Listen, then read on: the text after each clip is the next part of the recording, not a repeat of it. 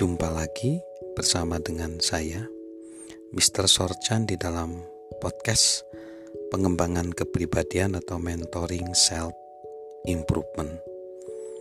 Saat ini kita belajar bagaimana pemimpin harus mengutamakan orang lain dan kita belajar dari kisah perjalanan karir kepemimpinan John C. Maxwell dan pola yang kita akan lihat adalah bagaimana perubahannya dari orang yang ego menjadi orang yang mengutamakan orang lain.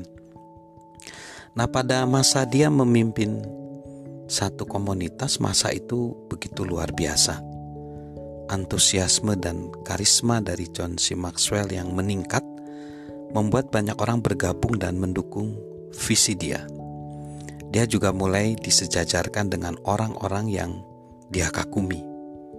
Karena terlahir dengan kemampuan memimpin, dia punya kemampuan untuk mengantisipasi sesuatu sebelum terjadi, dan itu membuat dia bisa berlari beberapa langkah di depan daripada yang lain dan merebut peluang dan memanfaatkan bakat kepemimpinan dia untuk meraih keuntungan. Dia merasa selalu menang dan dia sangat menyukainya. Tetapi ada sisi kepribadian dia yang bisa membatasi potensi dan menggagalkan dia dalam bidang yang penting. Sisi tersebut adalah kuatnya sifat kompetitif dia. Karena dia bermain basket di SMA, sisi itu menjadi aset tetapi berubah ke tingkat baru selama musim ini. Dia ingin membantu orang-orang tetapi motif dia salah. Motif saya egois. Hal-hal yang saya capai memuaskan harga diri dan ego dia. Ini paling mudah terlihat ketika saya menerima laporan tahunan berisi statistik jumlah kehadiran, presentasi pertumbuhan kehadiran, dan finans, eh, pendapatan finansial total selama tahunan dan jumlah kehadiran dan, dan semua catatan penting dari komunitas itu. Gambaran gambaran itu memang diberikan oleh eh, badan pusat sehingga bisa menggambarkan kinerja daripada John C. Maxwell. Tak peduli betapa sibuknya apa pun dan sepenting apa pun hal yang dia lakukan ketika laporan tahunan itu tiba lewat pos pada waktu itu, dia hentikan semuanya. Dia tenggelam dalam laporan itu dan menghabiskan dua hari penuh untuk menganalisis semua angka dan membandingkan hasil kerja dia dengan orang lain. Lalu dia muncul di benak dia, di mana peringkat saya? Bagaimana hasil yang saya peroleh. Apa yang saya lakukan dengan baik? Apa yang perlu saya tingkatkan? Apakah prestasi saya menonjol? Apa yang bisa saya lakukan agar lebih menonjol lagi? Kata saya itu sangat mengobsesi dia, mencari tahu di mana posisi dia dibanding dengan pesaingnya yang lain. Dia benar-benar mencurahkan waktu untuk mencari tahu bagaimana dia bisa bergerak naik dan terus berprestasi sambil membawa komunitasnya ke tingkat yang uh, berikutnya. Dia tidak berhenti sampai dia menemukan setiap skenario yang mungkin dilakukan untuk kemajuan pribadi. Dia lalu cenderung menimbun ide-ide bagus dan keinginan itu semakin kuat. Dia tidak bisa mengendalikannya. Dia memanfaatkan setiap ide bagus untuk memperbesar organisasi dia dan dia tidak ingin membagikan rahasia dia kepada orang lain.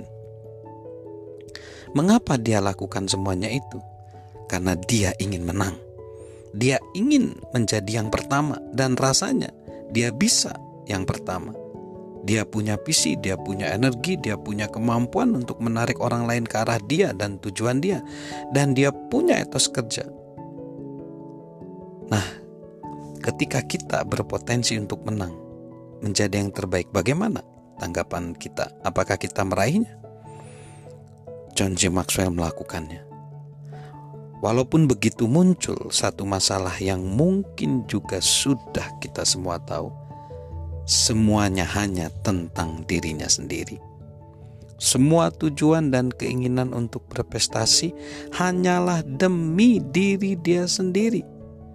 dia tidak hanya dengan sengaja melakukan sesuatu yang salah, tetapi perburuan perburuan kesuksesan itu mencemari motif dia. Dia berjuang lebih untuk dirinya sendiri daripada untuk orang lain.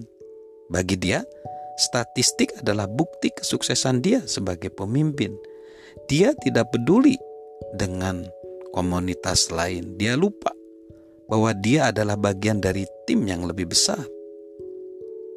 So, dia adalah pemimpin yang hanya ingin menang untuk kepentingan diri sendiri.